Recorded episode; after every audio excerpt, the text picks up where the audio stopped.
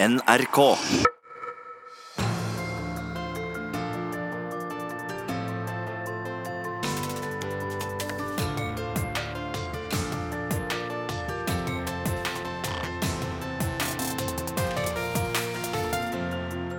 I disse dager gjør kong Harald seg klar til å åpne et nytt gigantfelt i Nordsjøen, som skal pumpe opp olje og gass de neste 50 åra. Vår nasjonale formue er enorm etter et oljeeventyr av de sjeldne. Hva skal det koste kloden at vi blir rike?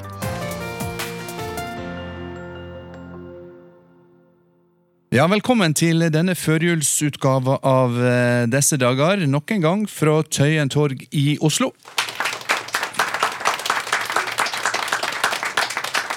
I dag skal det handle om et eh, kjent norsk eventyr, nemlig oljeeventyret. Denne veka fikk Norge en ny olje- og energiminister som har blitt kalla en tørrlagd klimaskeptiker. Det skjer 50 år etter at oljeselskapet Philips vesle julaften i 1969 ringte til Industridepartementet og stadfesta at de hadde funnet olje på Ekofiskfeltet. At vi i dag kan notere den svimlende summen på 10 000 milliarder kroner i oljefondet, skyldes en framsynt og kløktig politikk, som den tidligere ekspedisjonssjefen og statsråden Jens Evensen har mye av æra for. Hvordan er deres tro på at det finnes olje på den norske siden av kontinentalsokkelen? Det er det helt umulig å uttale seg om.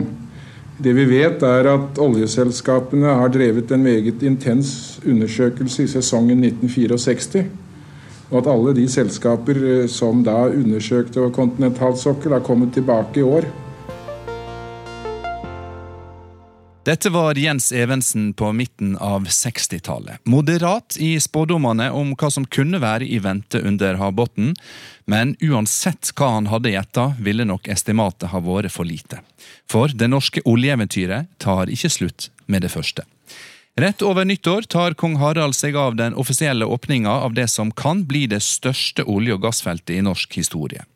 Oljen og gassen fra Johan Sverdrup-feltet kan gi CO2-utslipp som tilsvarer 20 års totale klimagassutslipp i Norge. Hva hadde Norge vært uten oljen og gassen i Nordsjøen, spør vi i disse dager. Og hva vil Norge være i kampen for å hindre klimakollaps på kloden?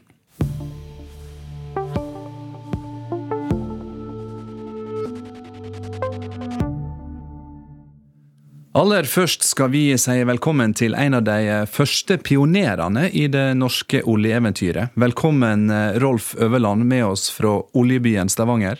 Takk for det. Du Rolf, kan ikke vi nå gå tilbake til eh, dagene før jul i 1969, altså 50 år siden. Hvordan var julestemninga det året for deg?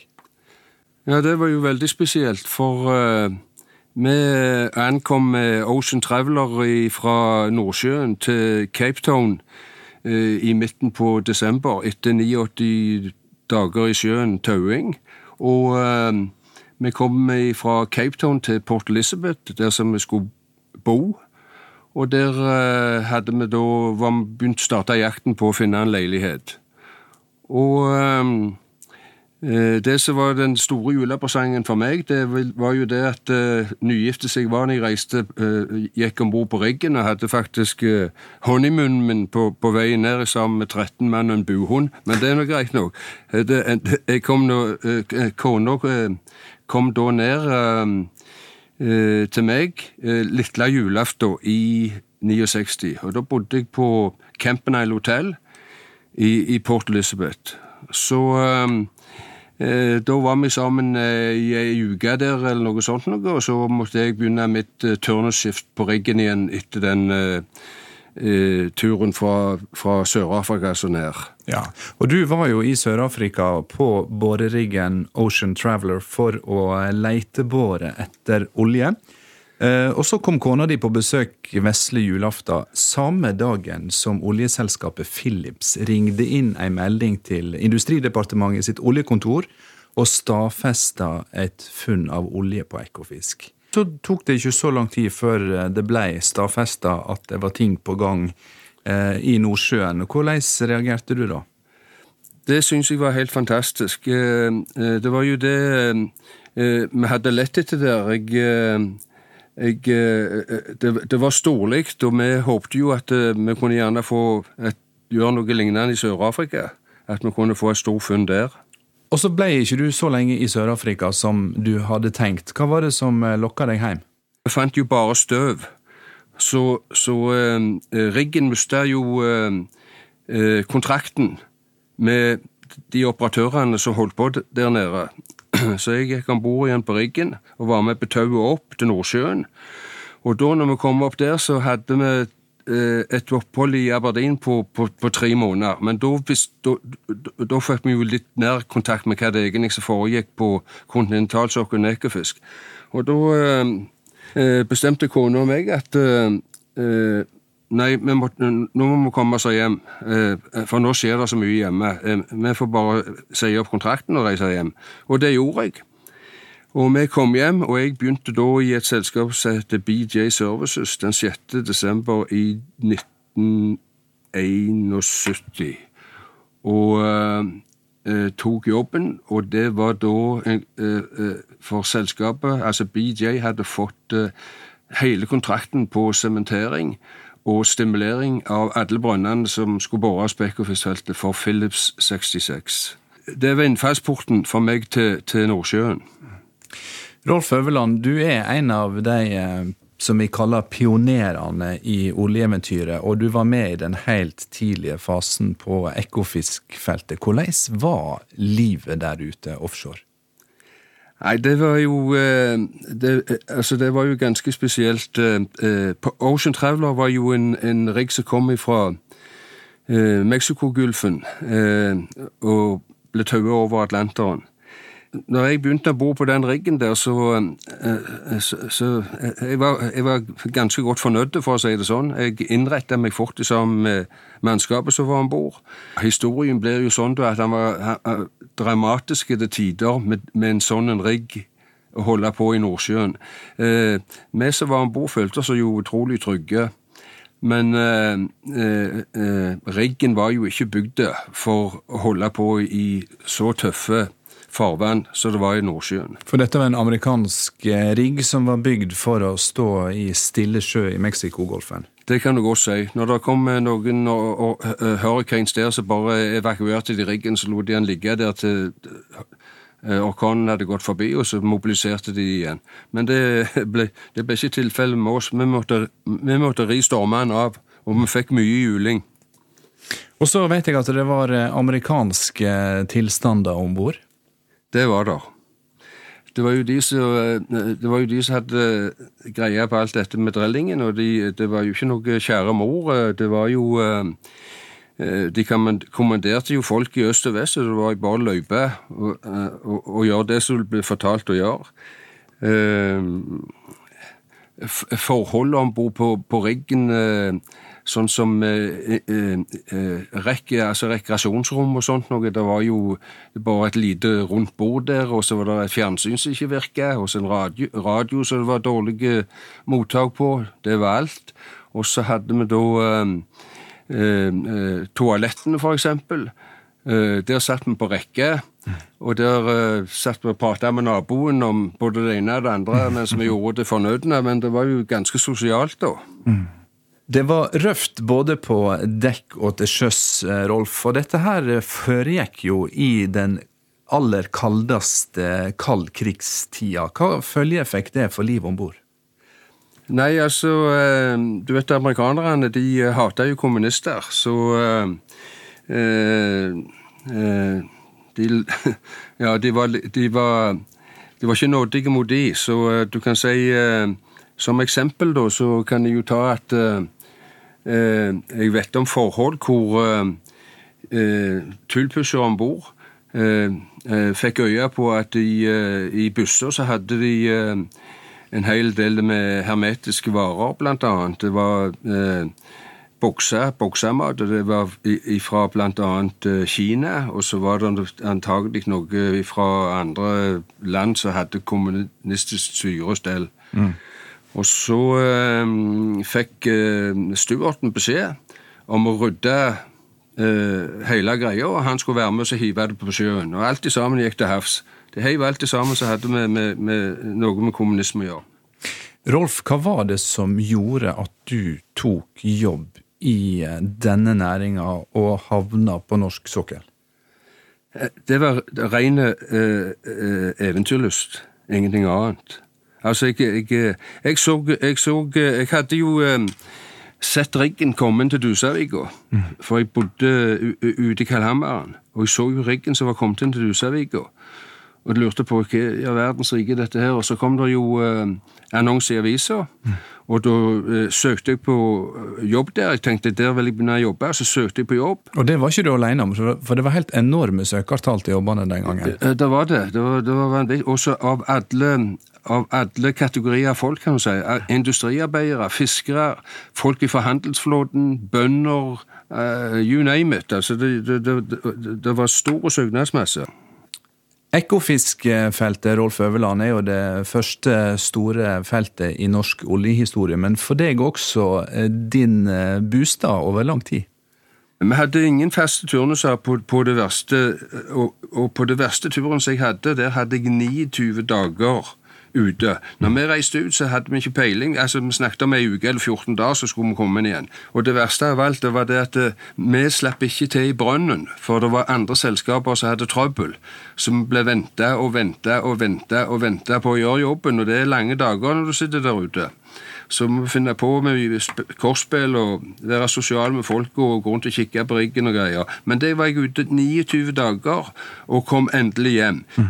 Etter fire timer på land hadde akkurat kommet hjem, kysset kona, og så satte de fra meg kofferten. Så ringte telefonen, og det var BJ-sjefen som ringte til meg. Så sier han du, eh, den jobben som dere gjorde der ute eh, Operatøren har ombestemt seg. De skal ta en ny test, så du må reise ut. Da hadde jeg vært hjemme i fire timer. Og da reiste jeg ut. Og, var, og, og, jeg spurte ja, hvor lenge blir vi nå, da? Nei, Han visste ikke, men han tipper ei uke eller 14 dager. Og da var jeg ute i nye 32 dager. Men med familie og barn på land? Med familie og barn på land. Mm. Når du ser deg tilbake, Rolf Øverland, etter 50 eh, år med norsk olje- og gassproduksjon, eh, hva tenker du at du har vært med på? Jeg har vært med på noe helt fantastisk. Altså eh, Vi har vært pioner. Og vi hadde, når vi starta på Traveler, så hadde, så hadde jo ikke mest sagt samfunnet noe penger på bok i, i forbindelse med oljeindustrien, som har holdt på i, i, i, denne bransjen og vært med på den der bølga opp her, som har resultert i 10 000 milliarder på bok i dag. Det er pionerene som, som har holdt på der ute, ganske stolte av. Jeg sitter med litt sånn pigger i halsen og svelger kameler med at de skal legge ned den oljeindustrien. Det, det sliter jeg med. De må bare, de må bare øke på. Ja, Mener du at uh, oljeindustrien har en plass også i framtida? Det mener jeg absolutt. Og jeg mener at de må bare sette i gang og gjøre mye leteboring oppover, finne ut hvor mye ressurser vi har, og utvinne det. Vi er jo en av de beste landene å ivareta miljøet. Selvfølgelig er det noe da, men uh, jeg ser på gru på hvis dette skal legges ned. Jeg blir matt Rolf Øverland, eh, vi skal snakke mer om eh, framtida for norsk eh, olje- og gassproduksjon. Nå skal vi aller først si tusen takk til deg for at du var med i disse dager.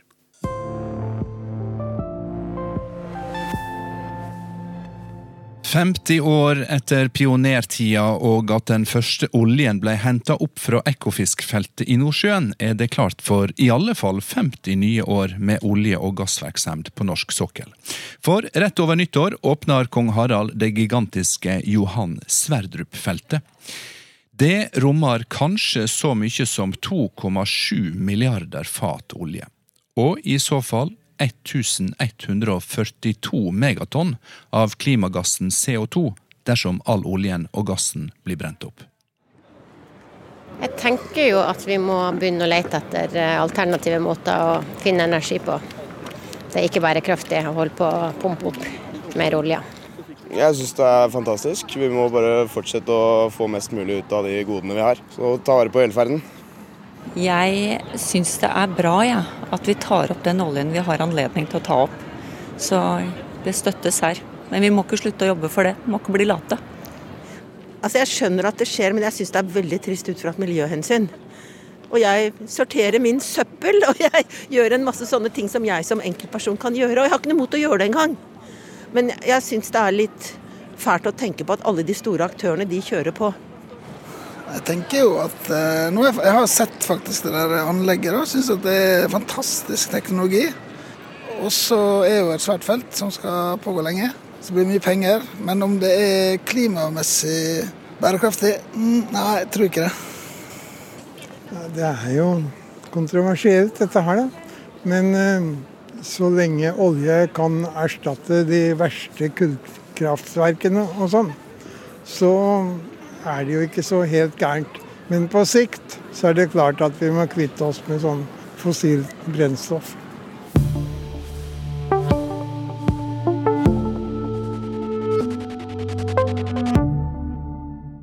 Det som noen ser på som nok et nytt kapittel i den eventyrlige fortellinga om oljenasjonen Norge, blir av andre sett på som et trist kapittel i kampen for klimaet på kloden. Nå skal vi ta inn begge syn på saka med klimaforsker Bård Lahn og olje- og gassjefen Tommy Hansen.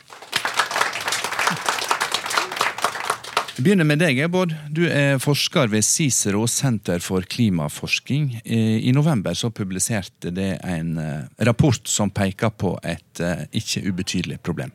Hva er det?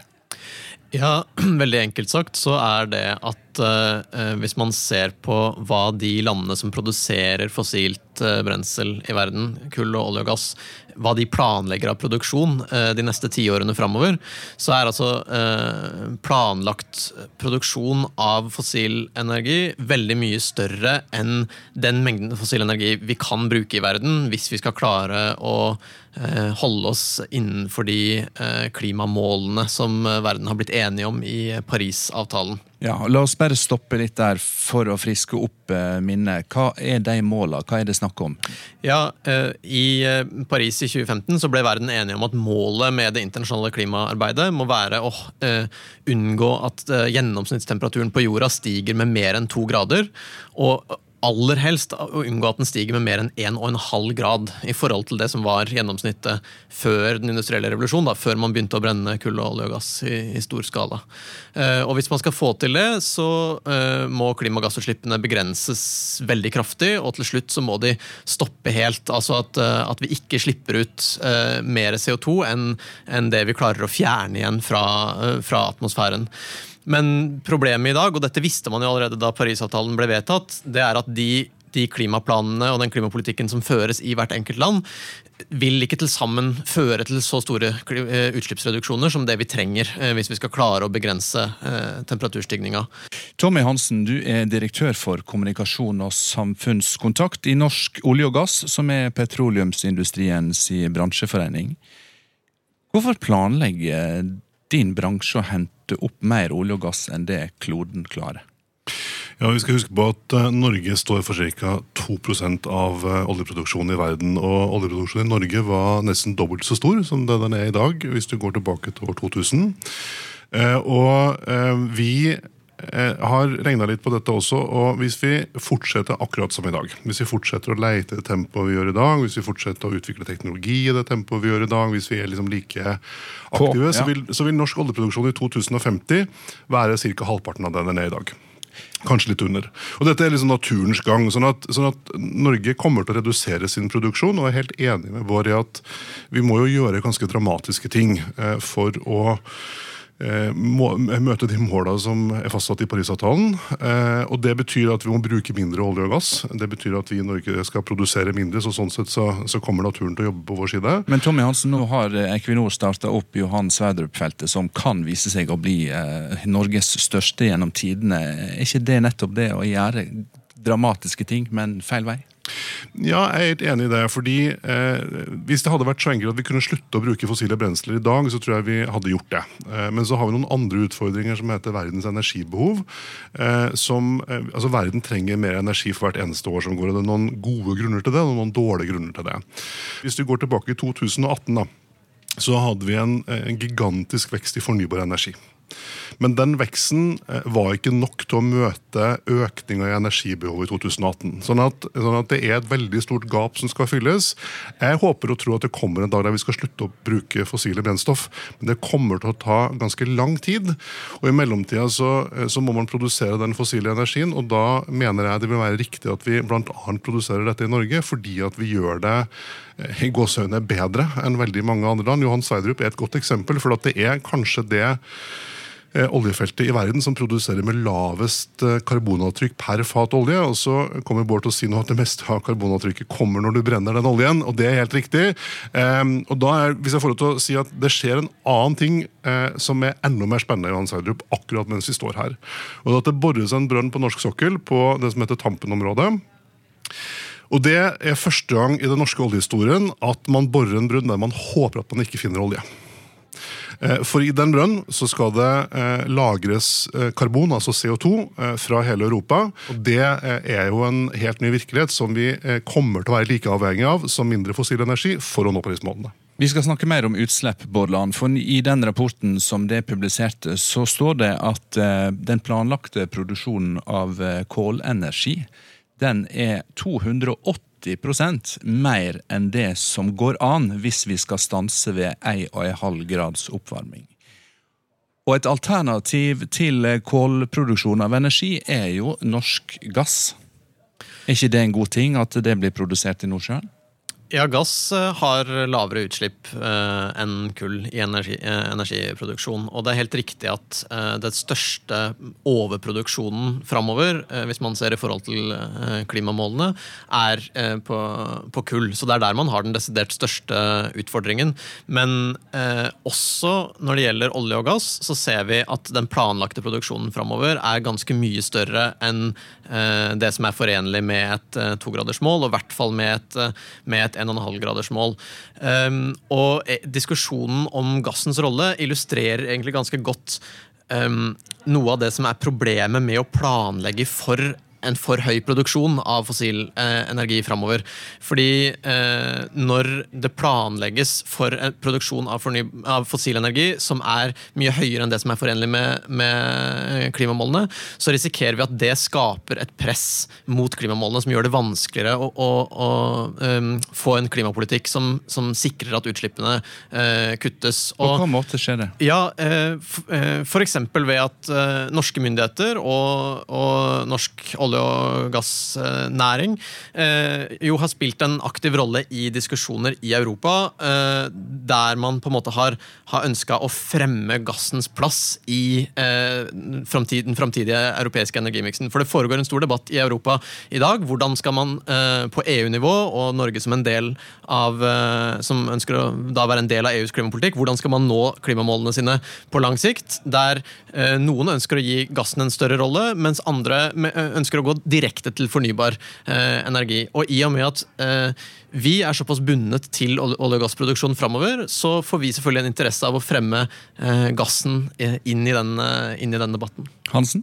Så vi tror jo at eh, altså Europa kommer nok til å bruke mindre gass på sikt. Eh, men de kommer til å ha bruk for ganske mye gass ganske lenge. Og, og som du sier, så hadde Storbritannia sin første kullfrie dag for eh, et par år siden. Siden første gang på slutten av 1800-tallet. Og den eneste store grunnen til det er gass fra Norge. Og så kommer det litt mer kjernekraft inn. Og så videre, sånn at Det er et sammensatt bilde. Men eh, selv ikke vi tror jo at gassen er nok. Eh, sånn at Vi jobber jo nå med det som er neste generasjon av gass. Tommy Hansen, du eh, representerer noe vi skal snakke om senere i sendinga, nemlig det norske paradokset. At Norge holder fram olje- og gassutvinning på tross av klimakrisa. Um, og så sier du at det kommer en dag der en må produsere mindre. Vil det komme en dag der olje- og gassnæringa ikke er en drivende kraft i å få uh, stadig åpna nye felt og bora flere brønner? Det kommer jo en dag der det, uh, der det ikke vil produseres olje og gass i Norge. og jeg tror den dagen kommer til å komme styrt av at det enten blir for dyrt, eller at det er for høye karbonavtrykk, eller at vi har bedre alternativ. den kommer ikke av at noen liksom kaster inn håndkle. Sånn tror jeg ikke denne næringa kommer til å fungere. Men det jeg skulle si er at, om dette med naturgassen, er at eh, med teknologien som da kalles karbonfangst og -lagring, som jeg er litt opptatt av, for at den er så viktig, eh, så betyr det at vi kan lagre den CO2-en under, under Nordsjøen. Eh, og så kan vi sende hydrogen til Europa eller til Storbritannia i det rørnettet vi har bygd over mange år.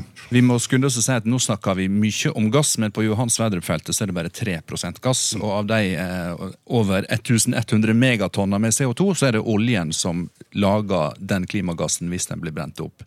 Bård Land, er det i hele tatt plass for norsk olje- og gassindustri i eh, et framtidsscenario?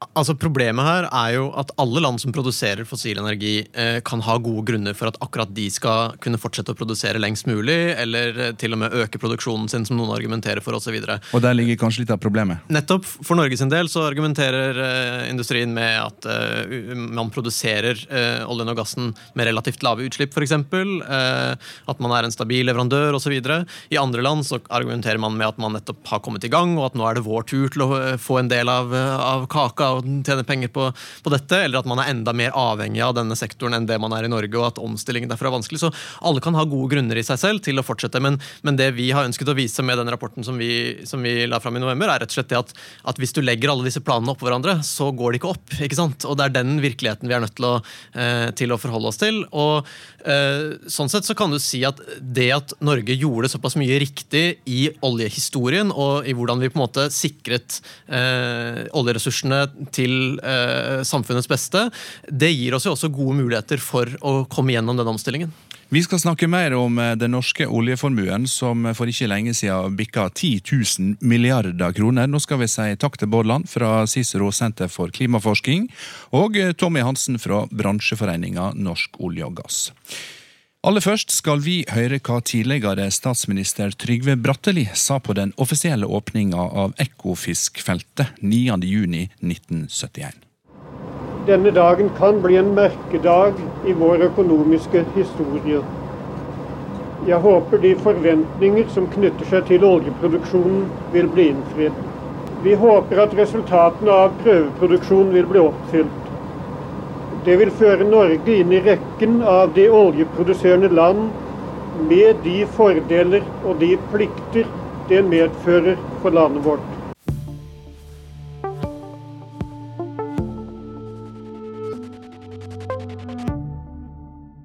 For to måneder siden passerte Norges oljeformue 10 000 milliarder kroner. Et beløp så astronomisk at det er vanskelig å gripe. Alt takka være oljen. Hva hadde vel livet vært uten den? Og hva er likskapen mellom superrike Norge og superkjendisen George Clooney? Vi må til historiker Helge Ryggvik og samfunnsøkonomen Camilla Bakken Øvald for å søke svar. Jeg begynner med Helge Ryggvik. Du er kjent som en spesialist på norsk eh, oljehistorie. Du er historiker og forsker ved Universitetet i Oslo. La oss nå eh, gå enda mer tilbake i tid, til 1958. Og la meg sitere fra et brev som Norges geologiske undersøkelse skrev til eh, Utenriksdepartementet. Man kan se bort fra mulighetene for at det skulle finnes kull, olje eller svovel på kontinentalsokkelen langs den norske kyst. Hva om det hadde vist seg å være riktig? Ja, tenk om det tenk hadde om. vært eh, det. Da hadde selvfølgelig Norge vært et helt annet enn det er i dag. Eh, Hva hadde vi vært, da? Du skal jo nesten ikke spørre historikere om det, for vi skal jo ikke spekulere om hvordan ting hadde gått eh, osv. Men det er vel eh, ingen tvil om at det har vært veldig annerledes.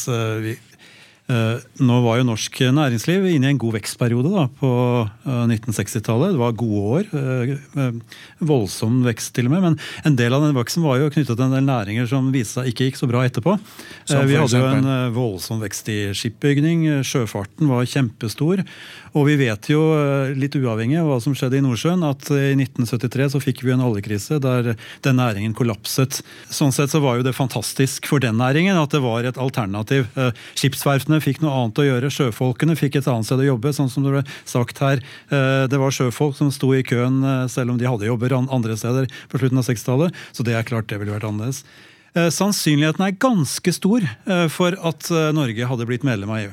Altså, Hvis vi ser på den debatten som var i forkant av EU-debatten, så var den veldig mye et spørsmål om kontroll av naturressurser. Og når man plutselig hadde fått et påfyll, en visshet om at man hadde fått en enorm stor naturressurs, og nasjonal styring og kontroll var en vesentlig del av den debatten, så var det klart at her hadde Norge noe å spille på også økonomisk i etterkant. Og det kan ha vært det som har gjort at det bikker på en måte stemningen over til Eh, et ja til EU. Da hadde selvfølgelig alt vært annerledes, og da kan vi ikke spekulere lenger. For da er det så mye sånn. Og så har vi selvfølgelig altså Norge eh, rent utviklingsmessig, så vi var jo ikke veldig langt unna Sverige. Eh, vi hadde en del gode forutsetninger. For så hadde vi myndigheter som var veldig opptatt av forskning og utvikling. Det var satset veldig mye på å bygge opp ingeniørkompetanse. Satset på å bygge opp eh, Kongsberg, f.eks. Det var ingeniørmiljø. Andre miljøer osv. Eh, som skulle bygge andre, til og med atomteknologi osv. Det som skjedde selvfølgelig når vi fikk oljevirksomheten, var jo at veldig mye av den kompetansen ble skjøvet over i oljevirksomheten. Ja, faktisk, jeg tror det i seg selv var viktig fordi hvordan norsk leverandørindustri har lyktes. Fordi at vi i utgangspunktet hadde en sånn veldig sterk fokus på ingeniørkompetanse, ingeniering osv. Og, så eh, og som har vært med på å gjøre den industrien også konkurransedyktig, ikke bare i Norge, men også i utlandet. Så vi hadde kanskje ikke vært superrike, men vi hadde vært rike nok, kanskje på hadde linje nok, med Danmark og Sverige? Uh, gått på en ganske kraftig smell, sterkere smell enn Sverige også, tidlig på 70-tallet pga. skipsfarten. For den var jo i krise, og så vet vi egentlig ikke hva som hadde skjedd etterpå, men vi hadde mye å bygge på. Men nå har vi blitt et av verdens rikeste land, og vi har en helt enorm mengde penger på bok. Camilla Bakken Øvald, du er samfunnsøkonom og har skrevet en bok som heter Drømmefondet, hvordan Norge ble finansbransjens George Clooney og veien videre for oljefondet. Vi skal eh, snakke mer om likskapen til, Clooney litt seinere, men la oss se på oljefondet. Det var jo da det ble oppretta i 1990. Eh, Norges versjon av det bankene kaller for høyrentekonto. Men eh, felles for eh, folk og land var vel at det var ikke så mye penger på disse høyrentekontoene? Nei, i 1990 så var det ikke så mye penger på konto. Heller ikke på oljefondet sin, eh, sin konto. Så det ble etablert da. Da var det ikke så mange som trodde at det kom til å bli så stort. Og i hvert fall ikke såpass eh, som vi, som vi ser i dag. Og det var jo ganske stor skepsis til å etablere et fond i det hele tatt. Hvorfor det? Finansdepartementet var litt i tvil, kanskje med god grunn, på om politikerne kom til å kunne klare å ha eh, en konto. Altså Vi vet jo hvordan det er med høyrentekontoer sjøl også. Det hender jo at det er fristende å bruke litt på, på en sydentur, selv om det står på en sånn konto. Så, så skepsisen var altså til vil politikerne klare å, å ha en konto eh, med penger uten å, å bruke den. Um, men Finansdepartementet de eh, utarbeida da noen, eh, noen regler for, for, fondet for å uh, forsøke da å sikre at man ikke bare skulle bruke opp, opp pengene. Og de ble utarbeida i, i 1990, lenge før det sto en eneste krone på, på fondet. For Det er jo en politisk diskusjon i Norge i dag hvor mye en skal bruke av oljefondet. Alle har sikkert hørt om den såkalte handlingsregelen som regulerer det. Dette er jo en del av den politiske eh, debatten. Men du mener som samfunnsøkonom at politikerne våre har altså vært ganske flinke? Ja, de har vært ganske flinke, og så har de vært ganske heldige. Fordi handlingsregelen sier jo at vi kan bruke en liten kakebit, altså en prosentandel av fondet. Og det er klart at når kaka vokser, hvert eneste år, og den kakebiten blir større, vi får lov til å bruke mer og mer, så er, det, så er det litt lettere for politikerne. Det som er interessant, det vil jo være i det øyeblikket fondet eh, ikke stiger i verdi lenger, altså at den mister verdi, så vil jo også muligheten til å bruke oljepenger eh, reduseres. Og da spørs det da om politikerne vil, eh, vil klare det. Ja, og så er det jo slik med politikere, De kan jo heller ikke vite hva som skjer i uh, framtida. Uh, heller ikke hvor mye olje og gass som blir produsert framover. Helge Rygvik, du var jo i ei bok som du skrev for ti år siden. Uh, inne på at hvis ikke det skjer noe nå snart, så er den norske oljereserven tom. Men så skjedde det jo plutselig voldsomme ting. Ja. Ja, det skjedde noe dramatisk på mange vis. Det var jo Sverdrup-feltet. Eh, det er jo litt ulike tolkninger hva det egentlig var uttrykk for. Om det var uttrykk for en sånn gjennombrudd i, i eh, geologiteknologi, eller om det rett og slett var et felt man hadde oversett. Jeg tror kanskje det siste er det nærmeste sannheten, men eh, det var selvfølgelig en bragd for de som fant det feltet. Men det har fått enorme konsekvenser. og Det var jo også avgjørende for at Norge klarte seg ganske bra gjennom krisen som slo til i 2014. Det var jo nettopp da man trappet opp utbygging av det feltet. og Hadde ikke vært for utbygging av det feltet, så hadde utvilsomt krisen i oljevirksomheten vært mye større. Og da kanskje også eh, spredd seg mye mer til resten av samfunnet. Eh, fordi at eh, vi har jo fremdeles en kraftig eiendomsboom og sånne elementer i norsk økonomi osv. Mange ventet jo at den oljekrisen skulle slå ut den, den gjorde den ikke. Og en av grunnene til det var nok, tror jeg, faktisk Sverdrup-feltet. Eh, for det var så mye aktivitet som var knyttet til det i en veldig vanskelig periode. Finanskrise er et stikkord da igjen, Camilla. Fordi du mener at Norge ikke nå kan kalles bare en oljenasjon, men faktisk en finansnasjon? Ja, altså, de Størsteparten av verdiene oljefondet det er jo ikke inntekter fra, fra, olje og gass, det er eh, finansavkastning. Altså Det vi får tilbake av de investeringene vi gjør rundt omkring i over 9000 selskaper i hele verden, og også såkalte rentepapirer. Så vi er i ferd med å bli en, en eh, stor finansnasjon, selv om vi kanskje ikke er like bevisst på det eh, i dag, hver og en av oss. Og så vet jeg at du er veldig opptatt av hvordan Norge bruker sin finansielle makt, og hva selskapene investerer i og ikke investerer i. Eh, men jeg er så nysgjerrig på den linken til George Clooney at jeg har lyst til å hoppe dit. Hva er likskapen mellom oljenasjonen Norge og George Clooney? Det handler akkurat om dette bildet av oss sjøl. Fordi um, i likhet med sånne rike familier så er vi ikke så glad i å snakke om vår egen, en egen formue. Men uh, dette George Clooney-bildet kommer fra et, uh, et, møte som jeg var med på, hvor en av verdens mektigste finansaktører var. Og det som er interessant hvis man deltar på den type seminarer og konferanser, er at folk er ekstremt høflige mot Norge som finansnasjon. Vi er en stor, mektig aktør. Og i den innledninga så starta starta innlederen med å si og sammenligne oss med George Clooney. Altså Vi er kule, vi er tøffe, vi er rike, eh, vi vil det gode. Og da tenkte jeg at dette er veldig langt unna den tradisjonelle norske, norske folkesjela. Men jeg er opptatt av at dette også forplikter. Altså Vi eier da andeler i over 9000 selskaper. Eh, og det er et, et ansvar eh, som jeg mener at vi må ta på litt større alvor enn det vi har gjort så langt. Vi går fra fiksjon på film til Helge Rygvik og fiksjon om framtida. Du har fulgt norsk oljenæring i tiår. Hvordan eh, ser du den for deg eh, de neste ti åra? Det tror jeg er veldig usikkert. Det er eh, et spørsmål selvfølgelig hva som skjer reelt i klimasammenheng. Eh, det er et spørsmål om hva som skjer med alternativ energi, som jo eh, på en del områder er faktisk er i ferd med å bli konkurransedyktig.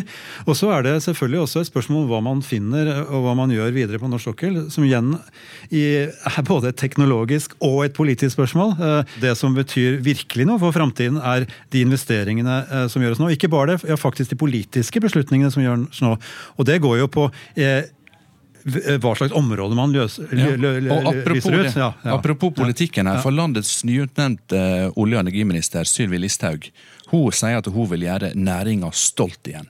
Er det mulig? Altså, Næringen har eh, veldig god grunn til å være stolt, basert på den historien den har.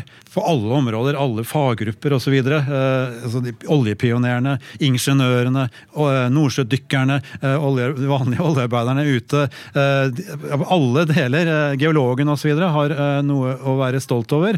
Eh, men spørsmålet er selvfølgelig hva gjør man uh, uh, i forhold til den avhengigheten man har skapt? Så Én ting er finansinntektene, men vi har et næringsliv som er ekstremt avhengig av dette. Det er ikke så lett å spå om framtida. Det er det vi kan konkludere med. En eller annen form for olje- og gassvirksomhet eh, vil det nok være en god stund framover. Camilla Bakken Øvald, samfunnsøkonom, takk skal du ha for at du kom til disse dager. Takk også Helge Rigvik. Snart skal vi gå filosofisk til verks når vi spør hva skjer når omsynet til økonomi krasjer med omsynet til økologi. Men først skal vi dvele litt ved tanken. Hva hadde Norge vært uten oljen? Hvordan hadde vi hatt det her i Norge hvis ikke vi hadde funnet olje for 50 år siden? Nei, da tror jeg, vi, da tror jeg vi hadde vært mer hardtarbeidende. Jobba med mer industri og nevenyttige ting.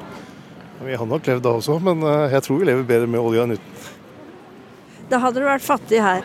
Så jeg er ikke for det grønne som de holder på med nå. De sier dropp all mer oljeboring. Det syns jeg er helt uinteressant. For vi har det så bra fordi vi har funnet olje, og olje trengs fortsatt. Da hadde vi vel fiska, da. Og melka kuer og slått gress. Og kanskje snekra en uh, liten sofa et sted, eller gjort sånne ting, tenker jeg. Uten olje. Eh, kanskje litt mindre grådige. Vi er veldig privilegerte nå, i hvert fall. Ja, da tror jeg det hadde lignet mer på min barndom, hvor vi var ganske nøysomme. Vi hadde alt vi trengte. Jeg kan ikke tenke meg at det var noe jeg egentlig savnet av materielle ting i min barndom. Men vi hadde jo ikke så mange ting som nå. Ja, Og så hadde vi faktisk noe veldig mange opplevde som mye trygghet. For vi hadde ikke fått den liberalistiske kapitalismen vi fikk etter oljen. Så dette er kanskje litt nostalgisk, men vi hadde noen kvaliteter vi er i ferd med å glemme. Hvordan hadde vi hatt det her i Norge hvis ikke vi hadde funnet olje for 50 år siden? Helt annerledes. Da tror jeg det har vært om ikke gråt og treners gnissel, så i hvert fall uh, mye tøffere enn det er i dag. Men da hadde vi i hvert fall ikke hatt en diskusjon om vi skal stoppe oljeproduksjonen eller ikke.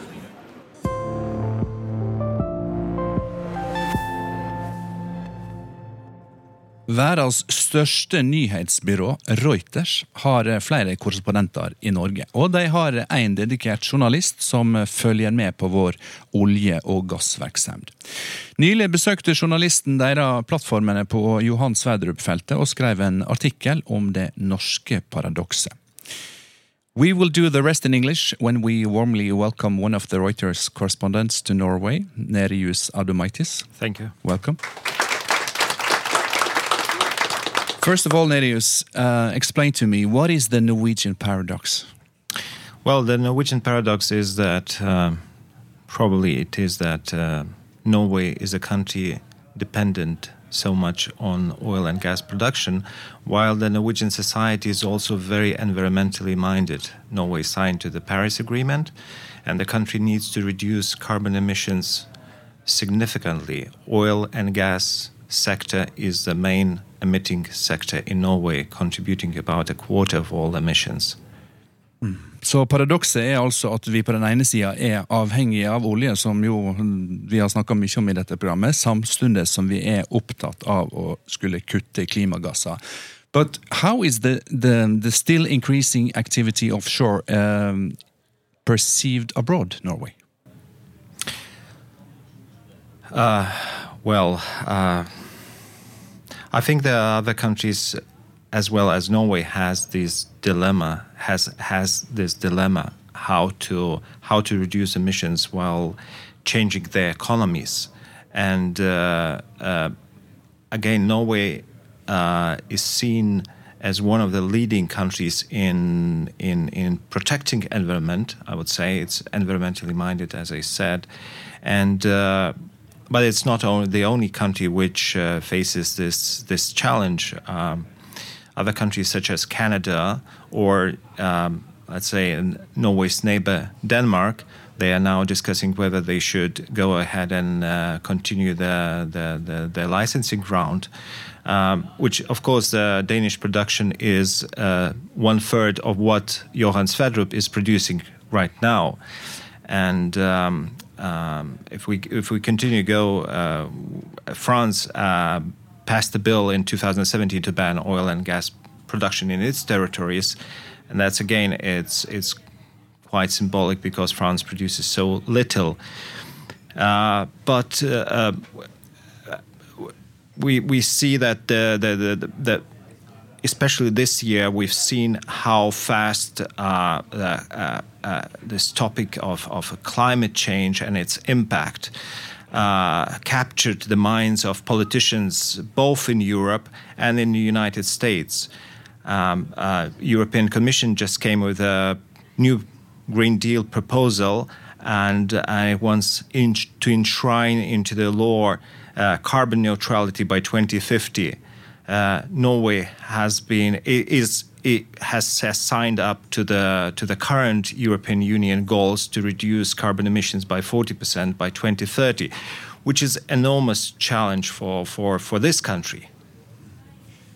I'll do some translation here, uh, Nerius. Uh, han sier altså at uh, både Canada, Frankrike, Danmark og for så vidt også EU har gjort vedtak på å redusere karbonutslippene, og at det har skjedd så mye i den siste tida som, eh, som gjør at eh, denne næringa har andre vilkår enn tidligere. Nerius, you recently visited the Johan Sverdrup field, and you have seen quite a few of installations like that. How is this field? I did. Uh, from uh, engineering point of view, it's a, it's a, it's a, it's a marvel. When uh, I was on this field, I was thinking that uh, it's it's it's incredible what we as humans could do. That we are we built this this this installation in the middle of the sea, and we are producing and sucking those uh, hydrocarbons which which accumulated uh, over millions of years. Uh, the reservoir uh, which Sverdrup is producing was started or formed in, in a Jurassic era when uh, dinosaurs ruled the earth. And uh, of course, it's a bit of irony that now we as humans might be facing the same extinction, according to the scientists, if, if we will keep emitting carbon dioxide into the atmosphere and warming the planet. Nerius sier at det er jo et paradoks eh, at det vi pumpa opp fra Nordsjøen, som stammer fra den tida dinosaurene levde på jorda, eh, faktisk kan gi menneskeheten samme skjebnen som eh, dinosaurene, hvis det holder fram i samme tempo som nå. Um, thank you so far, Nerius uh, Adomaitis, the Reuters correspondent to Norway. Um, I'll switch to my mother tongue now. For uh, dette paradokset vi snakker om her, det er jo ikke bare det norske paradokset. Hele kloden sliter, som vi hører, med å redusere bruken av fossil og klimaskadelig energi. Og hvis vi nå ikke ser økonomisk eller politisk på det, men heller filosofisk, Hvorfor er det så vanskelig for oss å gjøre det vi vet at vi ikke bør? Her er professor i filosofi Arne Johan Vetlesen.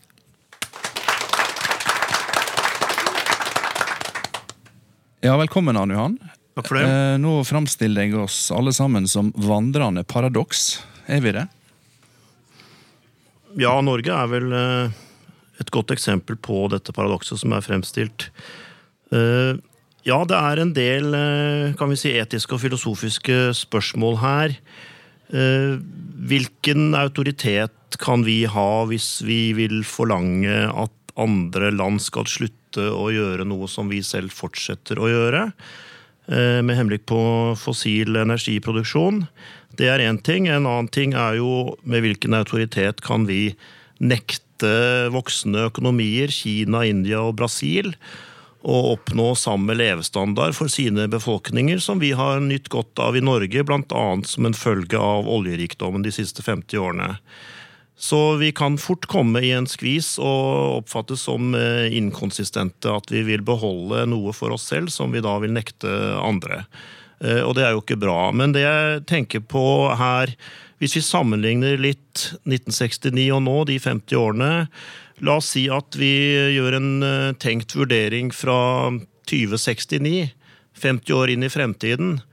Hvordan vil de som lever da i Norge eller i verden, vurdere at vi nå går i gang med en ny fase, som jo da Johan Sverdrup-feltet representerer?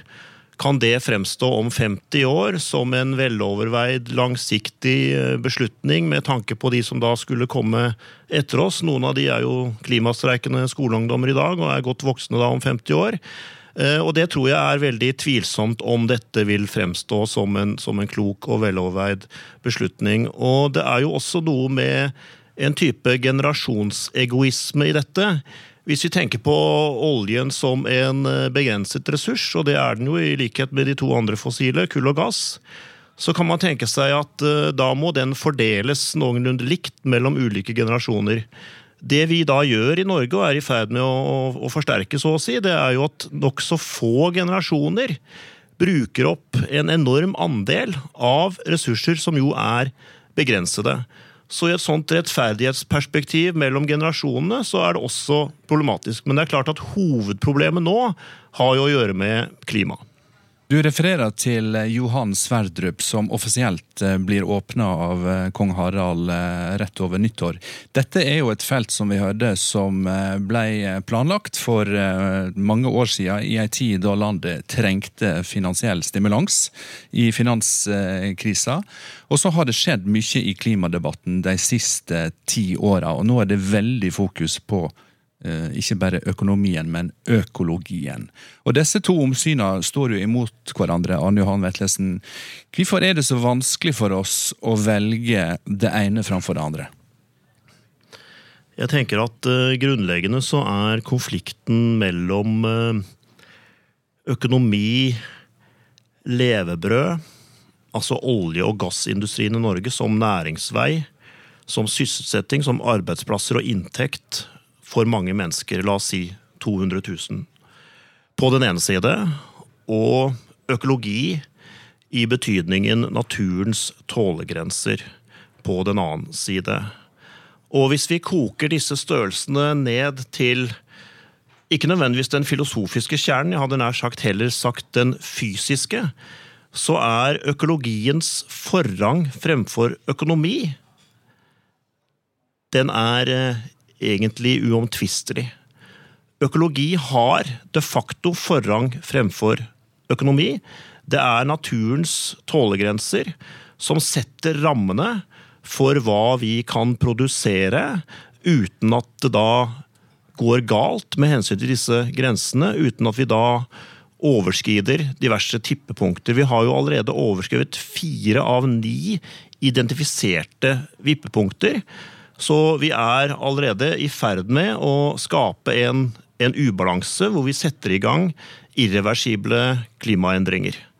Så det er, det er, det øyeblikket hvor denne beslutningen hva skal vi si, er tatt nå, og hvor dette da igangsettes med tanke på produksjon helt frem til 2080 skal skunde meg å legge til at vi har invitert eh, ledelsen i Equinor, som jo eh, eier og drifter installasjonene på Johan Sverdrup-feltet, men de hadde ikke høve i førjulstria til å komme hit. Så tilbake til deg, Vetlesen. Du er professor i filosofi, og du har engasjert deg eh, tydelig i klimadebatten. Gjør du det ut ifra et moralfilosofisk standpunkt, eller andre omsyn? Vel, jeg har jo jeg har jo barn, ikke sant? så det er jo ganske viktig å tenke fremover. Eh, men jeg har jo blitt mer og mer eh, opptatt av dette med grenser, da. Eh, da vi startet opp med Ekofisk-feltet for 50 år siden, så var jo kunnskapen om de grensene vi nå snakker om, og som jo skal være reflektert f.eks. i Parisavtalen, Eh, ikke på langt nær den samme. Og, og, og, hva skal vi si, farene ved å fortsette i et fossilt spor var jo heller ikke så tydelig å se den gangen. Så er det litt som med, som med røyking på 60-tallet? Ja, jeg vil si at det er jo ingen uskyld knyttet til det å åpne store, nye oljefelt og fortsette i det fossile sporet i 2019. Man kunne si det var en viss uskyld i form av mangel på kunnskap om hvor farlig dette er. Eh, i 1969. Eh, eh, men den tiden er forbi, da, da det var en, en, kunnskap man kunne si man ikke hadde. Så hvis du sammenligner med, med røyking, så er det jo også slik at bransjen selv, slik det gjerne er, store, sterke kommersielle interesser, vet om farene fra ganske tidlig av. Dette vet vi i forbindelse med Exxon og Shell allerede fra 60-tallet. Så hadde jo sine egne forskere på det. Men da under kommuniseres det til en større offentlighet, og det legger ikke noen føringer for investeringene. Så det er meget betenkelig. Og den kunnskapen har vi nå, som gjør at det er såpass etisk problematisk som jeg mener at det er. Takk skal du ha, Arne Johan Vetlesen, professor i filosofi. Vi skal tilbake til Reuters-korrespondenten Nerius Adomaitis, for han står her og får inn nyhetstelegram. Nerius, you just showed me a, a telegram from, um, from yes. New York. Yeah, uh, I, I just wanted to.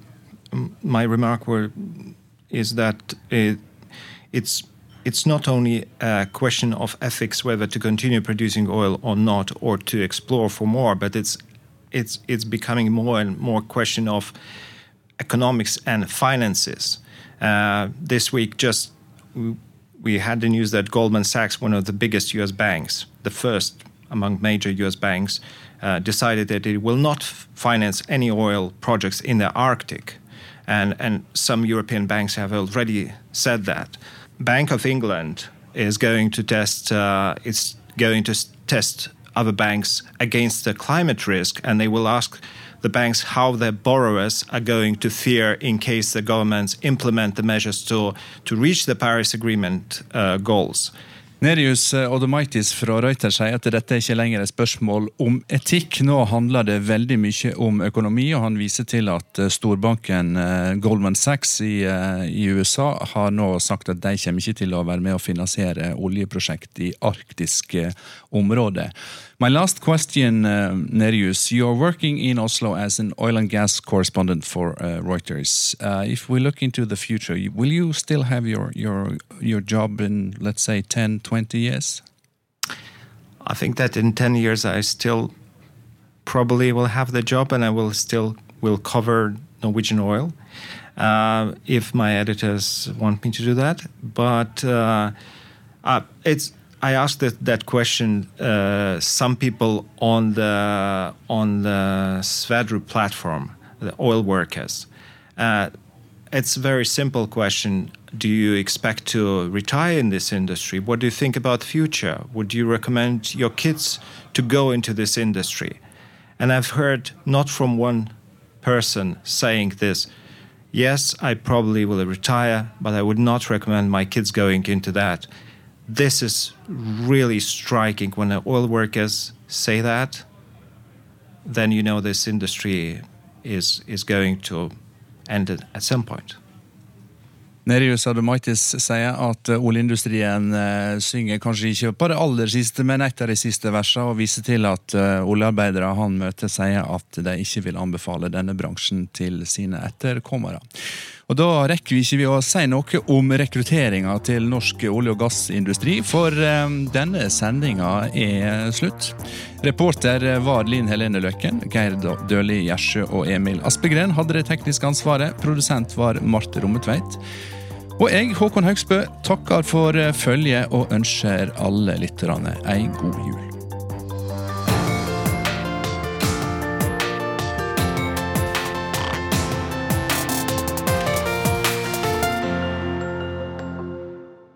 NRK.